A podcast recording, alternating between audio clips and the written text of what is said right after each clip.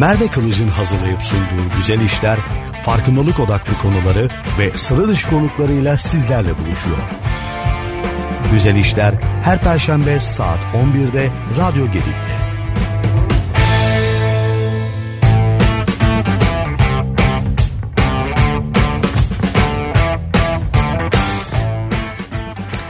Güzel işlerden herkese merhaba. Bir perşembe gününde daha sizle buluşuyoruz.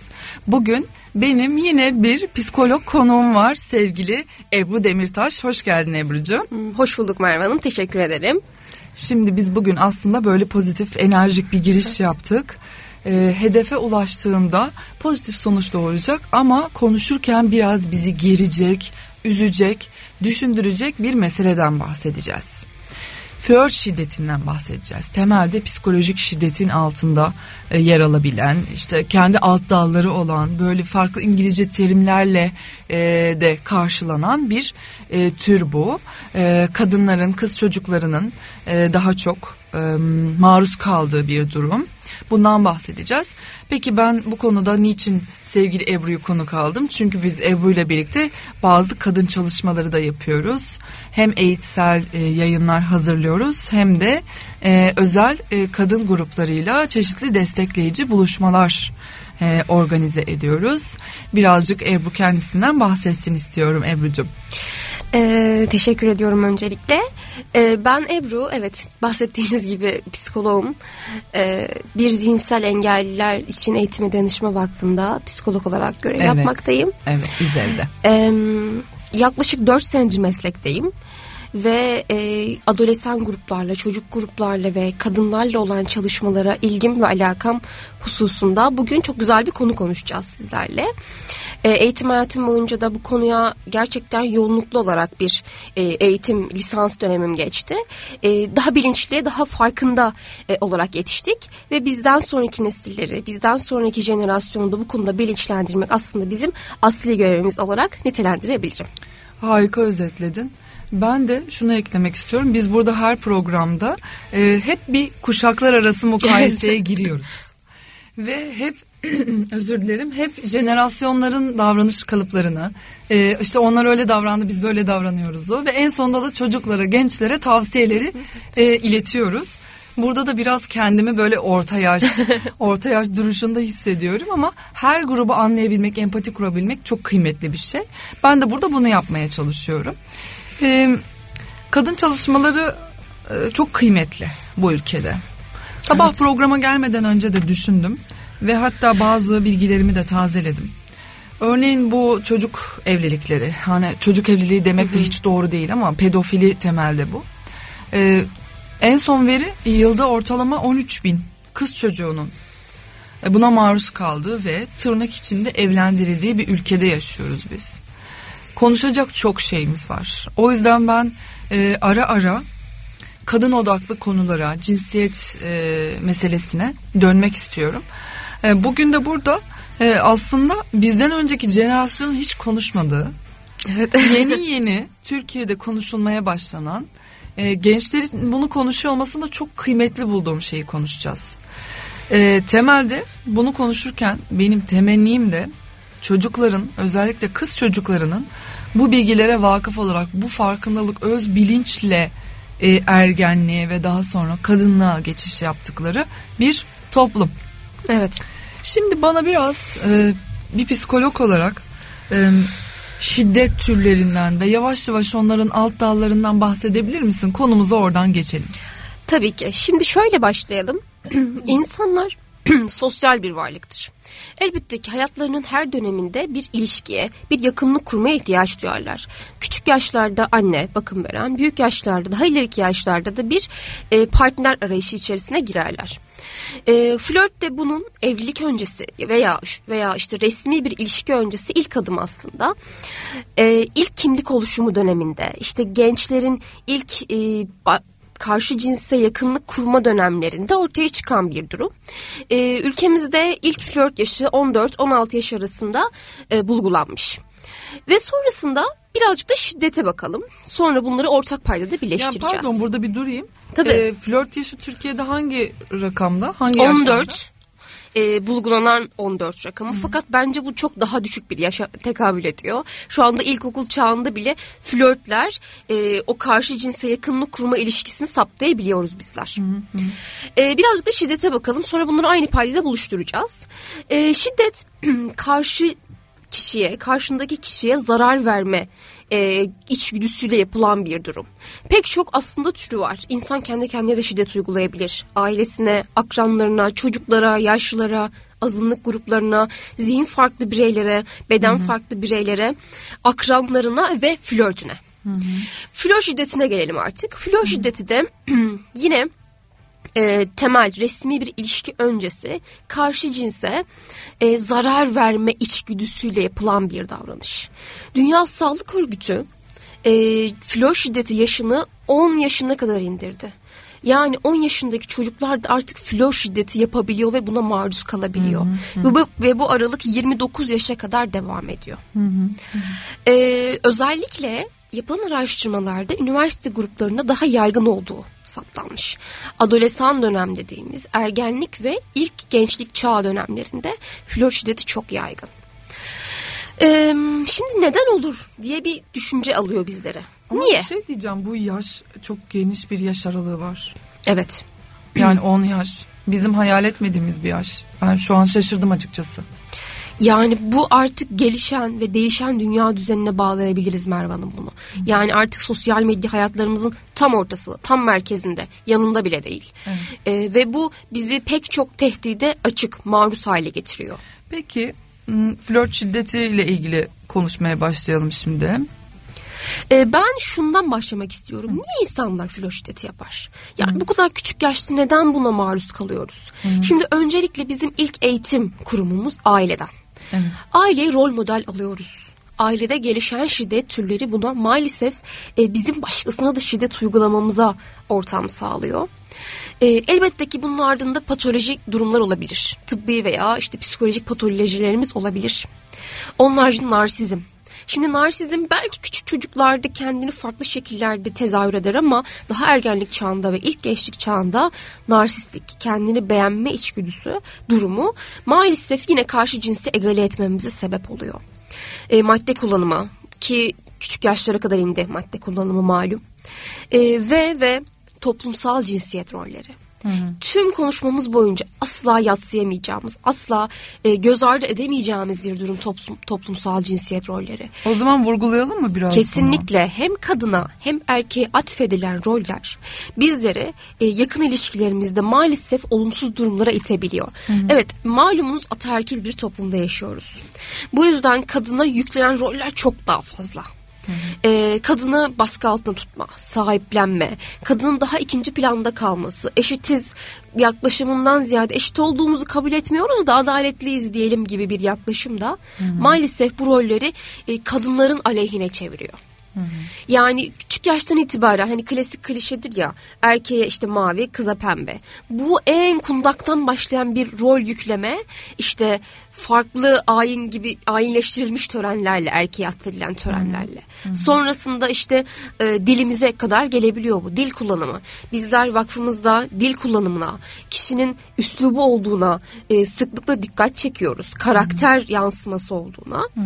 Bu yüzden küçük yaşlarda kızlara veya işte kadınlara veya erkek çocuklarına e, bak bu böyle olacak bu şöyle kız böyledir erkek böyledir kız gibi yapma kız gibi dolanma gibi Hı-hı. ifadeler erkeği o zaman ben farklı biriyim ben farklı bir yaratığım gibi daha büyüklenme Hı-hı. bir e, olgusunu ortaya çıkarıyor. Yani aslında bu cinsiyet rollerini biz çok önemsiyoruz. Yani Kesinlikle. cinsiyet üzerine çok fazla anlam yüklüyoruz.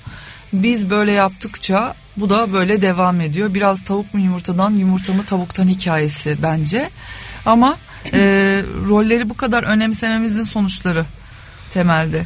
E, biraz insanlara bakarken kadın veya erkek değil de insan olarak, yurttaş olarak, genç olarak e, bakabilsek, görebilsek her şey değişecek.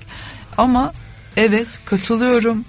Çocuklukta üzerimize yüklenen roller, bizim benimsediğimiz roller, bizden beklenenler, bizim yaptığımız zaman kendimizi daha güçlü, iyi hissettiğimiz davranışlar bizi biz yapıyor ve daha sonra bir başkasına farkında olmadan da olabiliyor. Şiddetin evet. birçok türünü uyguladığımız insanlar haline getiriyor bizi. Mesela şiddeti tanımlarken bilerek yaptığımız davranışlar gibi bir şey söyledin değil mi? Yani bilinçli evet. olarak. Evet. Peki bilinçli olmadan maruz kaldığımız durumlar şiddet değil mi? Ee, Karşımızdaki şimdi... insan belki birazdan bahsedeceksin. Aşırı sevgi sonucunda evet. onun da bir terimsel karşılığı vardı sanırım. Evet. Değil mi? Bu da yani bunu uygulayan kişi aşırı sevgi gösterisi yaparken bunu bilinçli olarak yapmıyor ama karşı buna maruz kalan kişi e, mağdur haline gelebiliyor. Neyse ben şimdi rol çalmayayım senden. Devam edelim. Ee, şimdi az çok zihnimizde bir çerçeve oluştu. Peki flör şiddeti türleri nelerdir? Hı-hı. Birazcık bunları e, soyut, e, somutlayalım, yani somut hale 10 yaşında bir çocuğun da yaşayabileceği, evet. 28-29 yaşında evet. bir kocaman bir yetişkinin, olgun bir bireyin de yaşayabileceği bir durum bu. Kesinlikle. Şimdi bahsedince daha iyi gözünüzde canlanacak bu durum. Bizler flör şiddetini beş farklı durumda inceliyoruz. Günlük hayatımızda her alanda bunlara e, denk gelebiliyoruz. En basitine indirgeyelim fiziksel şiddet. Fiziksel flör şiddeti daha doğrusu. Fiziksel flör şiddetinde karşı cins özellikle bu yapılan çalışmalarda erkek. Erkek birey kadına e, bilerek zarar verme amacıyla fiziksel temasta bulunuyor. İşte bunlar nelerdir? Vurmak, işte çekmek, itmek, ne bileyim e, tokat atmak, işte dövmek daha zararlı terimler evet. bunlar ve özellikle örneğin madde kullanmaya zorlamak da bir fiziksel şiddet. Hmm. Zorla alkol kullanımını teşvik etmek hmm. örneğin. Hmm.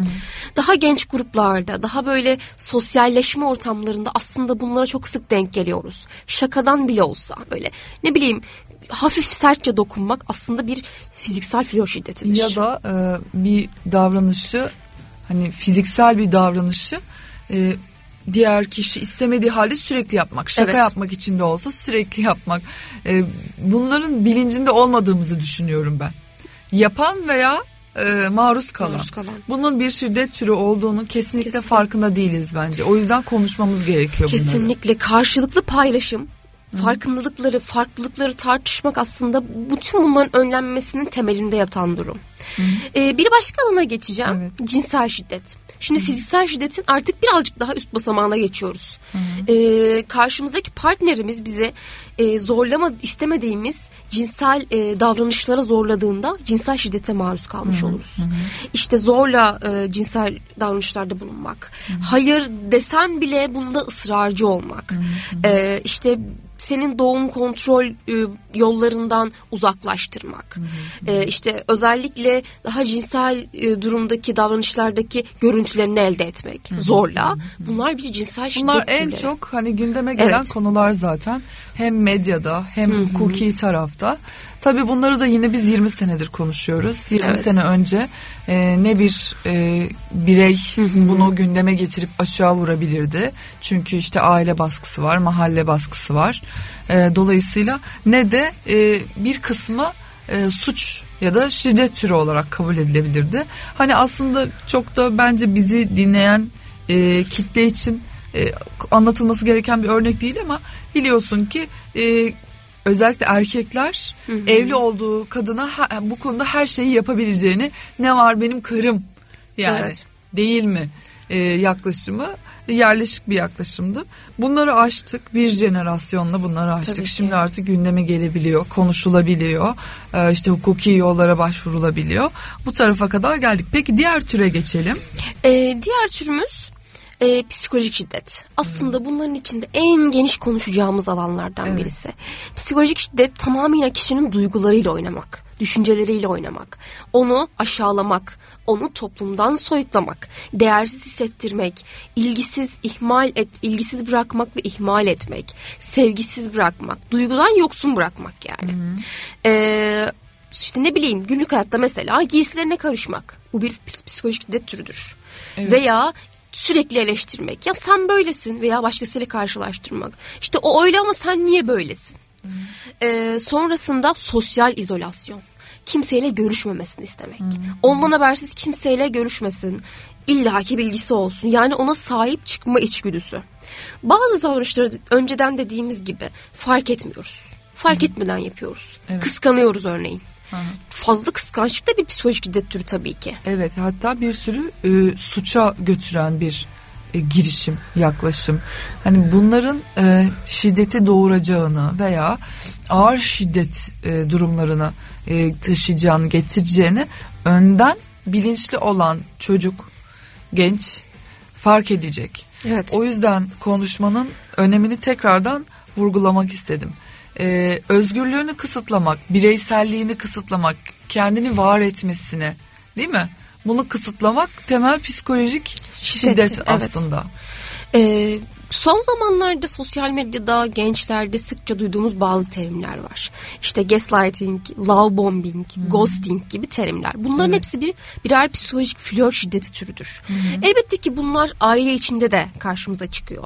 Aile kurumunda da, evliliklerde de. Fakat bunların evlilik öncesi yapılması durumu bizim tam konumuza giriyor. Evet. Gençlerde flör şiddeti. Evet.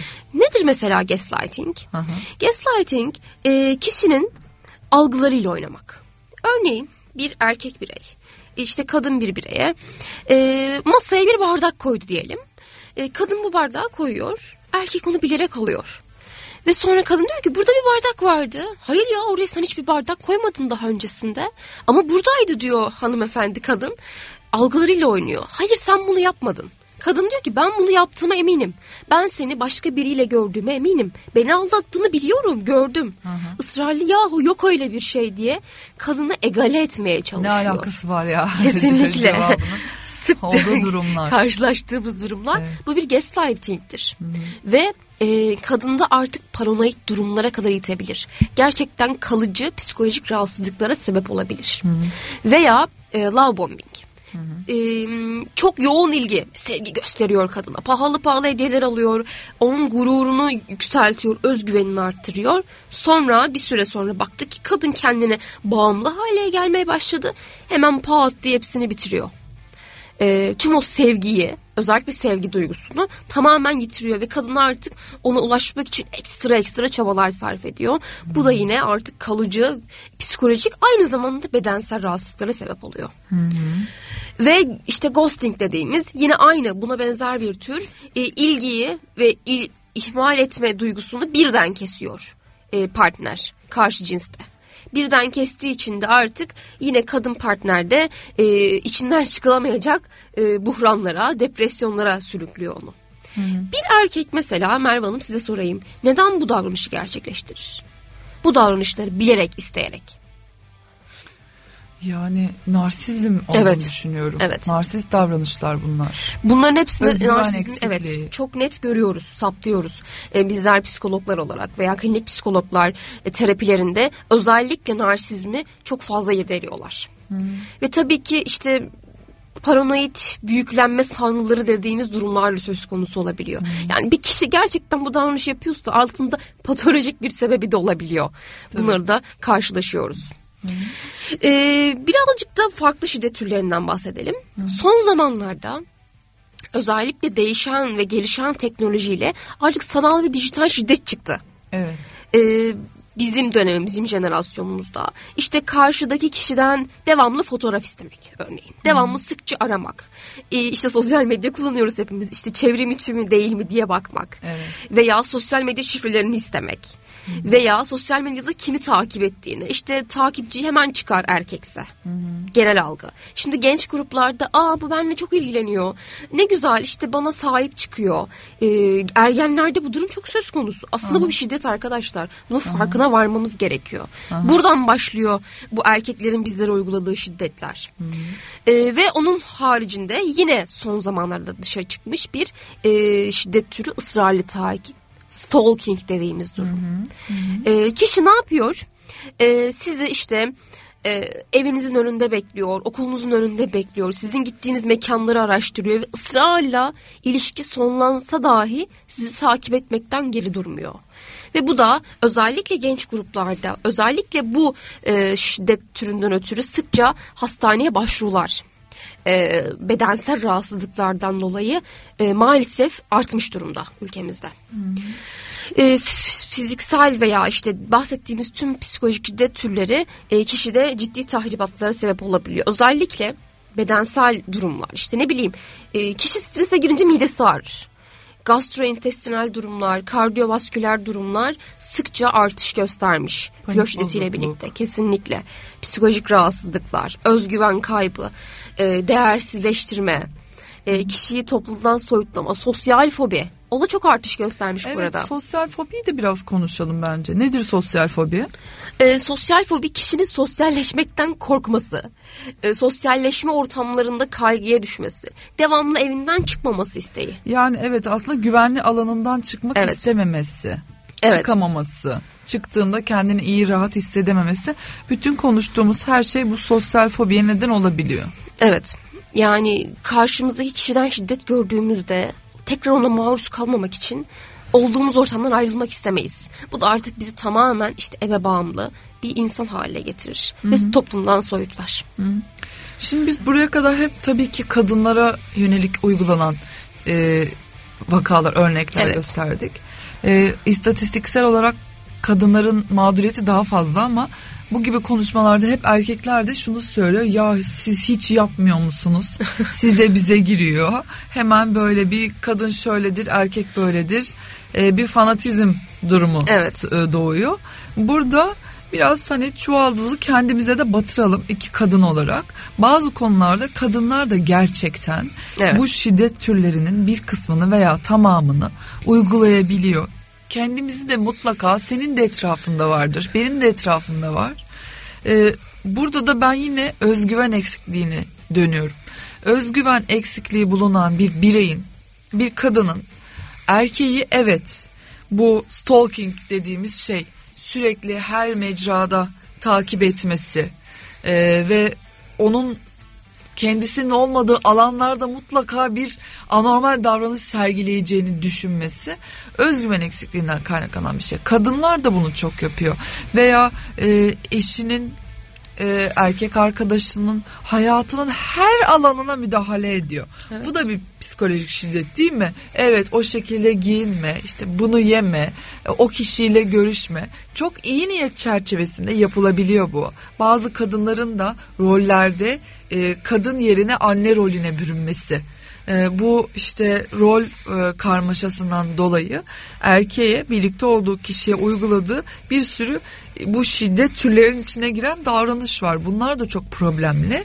Bunlar da erkeklerde bir ön yargı, kadınlara yaklaşımda bir e, duvar örme veya ben bunu yaparsam o bunu yapar e, cılığa götürüyor bence e, ikili ilişkileri. Evet haklısınız. Özellikle son zamanlarda yapılan bir araştırma sonucunu paylaşmak istiyorum. Kadınların uyguladığı şiddet türlerinden neler revaçta çıkmış biliyor musunuz? Sosyal ve ekonomik şiddet. Nedir bu? Nedir? Ee, örneğin işte malum zor bir yaşam dönemi işte insanlar için ekonomik olarak koşullar daha zorlaştı. Evet. Ee, kadının devamlı olarak erkeğe bunu bastırması. Nasıl bastırması? Yahu sen işte evde biz geçinemiyoruz, sen bana bunu alamıyorsun, sen nasıl birisin, kazanamıyorsun gibi. Erkeğin aslında getirdiğimiz toplumsal cinsiyet rollerinden zayıf noktalarına vurma. Hani erkek hep ataerkil toplumda üsttedir ya, eve bakmakla yükümlüdür. Evet, eve bakmakla yükümlü. Aynen öyle.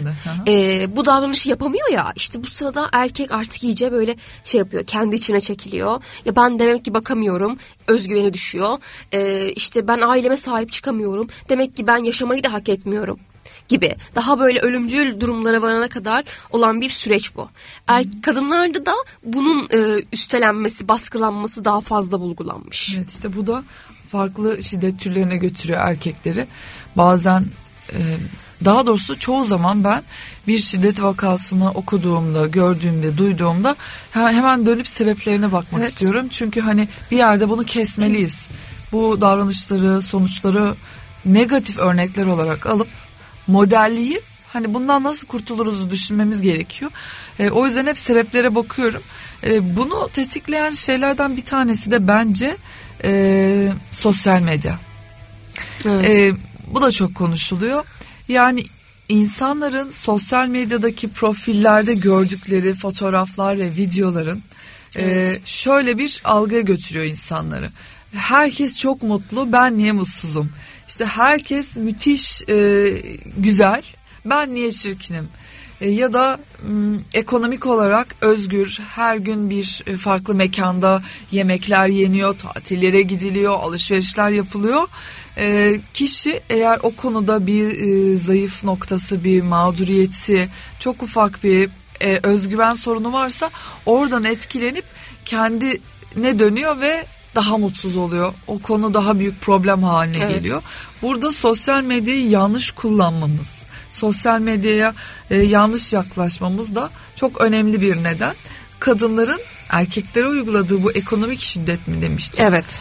Ekonomik şiddetin altına yatan nedenlerden bir tanesi de bu bizim e, Instagram Hı-hı. fotoğraflarına bakarken gördüğümüz. Örneğin kadın bir Instagram fotoğrafına bakarken şunu diyebiliyor. Aa işte benim de ekonomik durumum, e, gelir modelim daha iyi olsa da keşke ben bütün Hı-hı. yüzümü değiştirebilsem bir anda.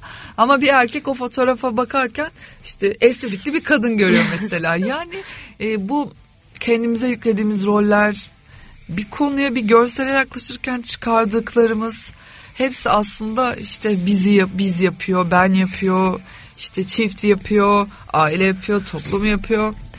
Ee, konuşmamız lazım diyorum. Kesinlikle.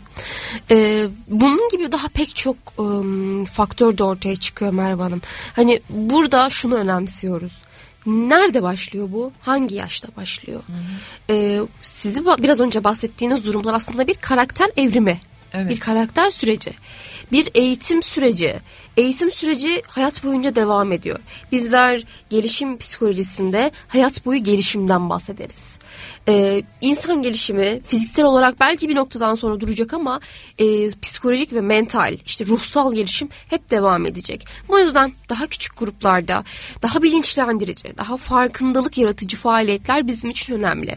Evet yani aslında konuştuğumuz bütün bu e, kriz noktalarının evet. çıktısı haftanın güzel işi bu konuda öz bilinç oluşturmak. Çocukların hani bahsettik ki 10 yaşında artık başlayabiliyor. Hı-hı. Birleşmiş Milletler verilerimi bir veri evet. vermiştim. Dünya Sağlık Örgütü Dünya Sağlık Örgütü. Evet. Dolayısıyla artık 10 yaşında ilkokula giden bir e, çocuğun kız çocuğu veya erkek çocuğu e, bu bilinçle yetişmesi çok önemli. E, bizim de bunları konuşmamız, bunları yayın haline getirmemiz değil mi? Açık kaynakların artması, her yaş grubuna uygun eğitici içeriklerin oluşması gerekiyor. E, belki Sağlık Bakanlığı'nın hazırladığı kamu spotlarının içine de bu tür kamu spotları girmeli. Çünkü biz hala işte kadına şiddete hayır evet. noktasındayız. Ee, hani fiziksel şiddeti konuşuyoruz. Temelde geriye dönüp bütün bu bahsettiği şiddet türlerinde konuşup bu konuda her yaşta bilinçlendirme yapıyor olmamız lazım. Haftanın güzel işi de bu yaş, bu işi yapanlar olsun. Biz seninle e, hem bu ve benzer konularda kadınları destekleyici eğitsel içerikler oluşturuyoruz gönüllülerle evet. birlikte. Hem de geçtiğimiz e, yıl e, bir e, odak grup çalışması yaptık. Ben buraya gelmeden önce o odak grup e, çalışmamızdan programda kısaca bahsedelim isterken döndüm dedim ki biz çıktılarından çok emin olamamıştık seninle. Evet. Ama ben bana bir sürü şey kattığını düşünüyorum. O yüzden e, hem sen açıkla basit olarak hani neler yaptık hem de ben şöyle bir son söz söylemiş olayım. Biz e, kadınlar olarak dayanışıp birbirimizi desteklerken şunu aklımızdan çıkarmamalıyız. Her kadın mutlaka bir diğerine destek olabilir. Önemli olan buna dönük fayda üretmek istemek. Yani sen evet psikolog olarak bir başka kadını psikolojik olarak destekleyebilirken bir kadın diğerinin çocuğunu da destekleyebilir. Ona İngilizce öğretebilir. Onunla test çözebilir. Kimisi evet. onun e, ekonomik ihtiyaçlarını çözerken bir diğeri onun e, motivasyon kazanıp belki spora başlamasını sağlıyor. Onunla her sabah birlikte yürüyüş yaparak ona destek olabilir. O yüzden e, ben bugünkü programı tamamlarken bir kere iki çıktı e, edindiğimizi düşünüyorum. Bir tanesi şiddet türleriyle ilgili ve bizi şiddete inen, e, gönderen durumlarla ilgili çok küçük yaşta bilinçlenme, öz bilinç oluşmanın oluşturmanın önemini vurgulayıp bu konudaki çalışmalara e, her kurumun sivil toplum örgütünün, e, resmi e, kuruluşların e, yönelmesini önemsediğimi söylemek istiyorum. Bir diğeri de her bir kadın bir diğerine istediği sürece destek olabilir diyorum. Son sözü sana bırakalım. Biz neler yaptık geçtiğimiz yıl?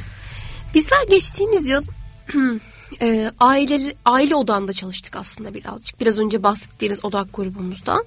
E, öncelikle ilk ihtiyaç belirleme toplantısında nasıl hissettiklerini sorduk. Ama bu nasılsın gibi basit bir soru değildi.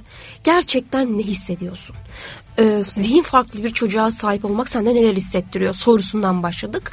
Ve bize bambaşka ufuklar açtı.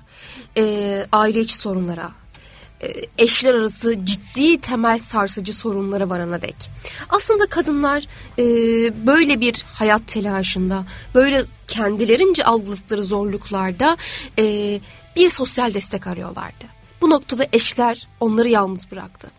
E, zihin farklı bireylerin çocuklar, bir zihin farklı çocuklara sahip ailelerde e, boşanma ve aldatma oranlarını biz sıkça rastlıyoruz. Ee, peki neden biliyor musunuz? Son yıllarda yine yapılan bir araştırmada boşanma oranlarında en fazla erkekler diyor ki eşim annem gibi davrandığında bizler artık boşanmaya gidiyoruz. Hmm. Tüm bu karşılıklı cinsiyetlerde e, bu bilinçlendirme yapmak gerekiyor çocuk yaşlarda başlamak gerekiyor. Kızlar şiddete uğradığında bunların farkında olmalı. Farkına varmak gerekiyor ve kendi gücünü artık e, bilmek bilmesi gerekiyor. Bir şiddete uğradığında dur veya hayır diyebilmesi gerekiyor ki e, güzel bir anne tabii olmak isterse. Herkesin anne olmak gibi bir gayesi de yok. Evet. Bu bir diretme değil. Anneliği kutsal sayıyoruz ama bu e, herkes göreceli bir inanış diyelim evet. sizlere ve kadın olarak kendi gücümüzün, e, kendi farkındalığımızın ve yapabileceklerimizin farkında olmak gerekiyor. E, son söz olarak bunu söyleyeyim sizlere. Evet bizim çalıştığımız grupta farklı dezavantajlı kadınlar vardı. Evet. Ekonomik, işte eğitimsel değil mi? Kültürel aşırı uçlar bulunuyordu. E, aynı zamanda e, özel çocuk sahibi olan anneler vardı. O yüzden biz biraz kendimizi büyük bir karmaşanın içinde bulmuştuk ama tabii ki faydalı olduk ve bu, bu bizim için önemli bir e, çalışma e, modeli oldu. Umuyorum ki e, bugün bu programı dinleyen herkes dönüp diyecek ki acaba ben nasıl bir fayda e, yaratabilirim bir diğeri için. Umuyorum inşallah böyle bir program çıkarmış oluruz. Peki Ebru'cum katıldığın için çok teşekkür ediyorum. İnşallah tekrar e, bir arada seni e, burada ağırlayacağım. Yine güzel konuları konuşacağız ama bu sefer şiddet konuşmayalım. evet. E şimdi ben her programın sonunda konuğumun şarkısını dinleyerek veda ediyorum. Bakalım sen e, dinleyicilerimize hangi şarkıyı armağan ediyorsun? Ben gerçekten eğiten ve gerçekten öğrenen kızlar ve kadınlar için e, benden sana diyorum Nilkara İbrahimgil. Haftaya görüşmek üzere.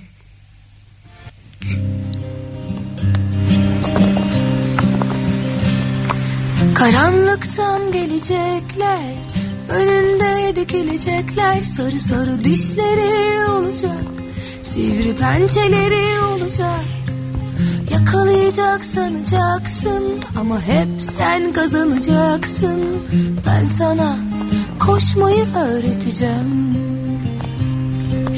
İçinden gülmeyi öğreteceğim Yalanlar söyleyecekler Sözlerinden dönecekler. Buzdan kalpleri olacak Acı sözleri olacak. Yaralayacak sanacaksın Ama hep sen kazanacaksın.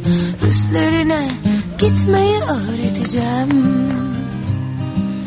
Düşünce kalkmayı öğreteceğim. Bazen de susmayı Bağırmayı Utanmadan Hüngür hüngür ağlamayı.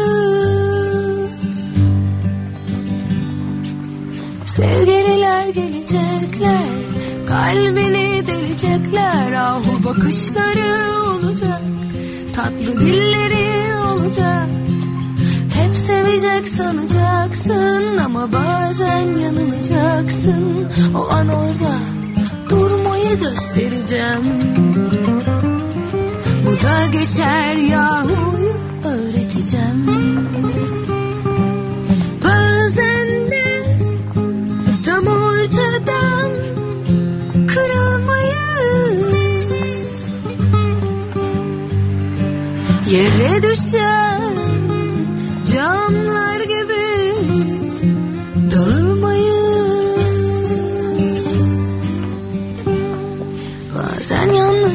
yalnız bırakacaklar Ne yapacaksın bakacaklar. Hep planları olacak. Hep bir başları olacak. Kırılacak sanacaksın. Ama hep sen başaracaksın. İçinden yanmayı göstereceğim. Kendini sevmeyi öğreteceğim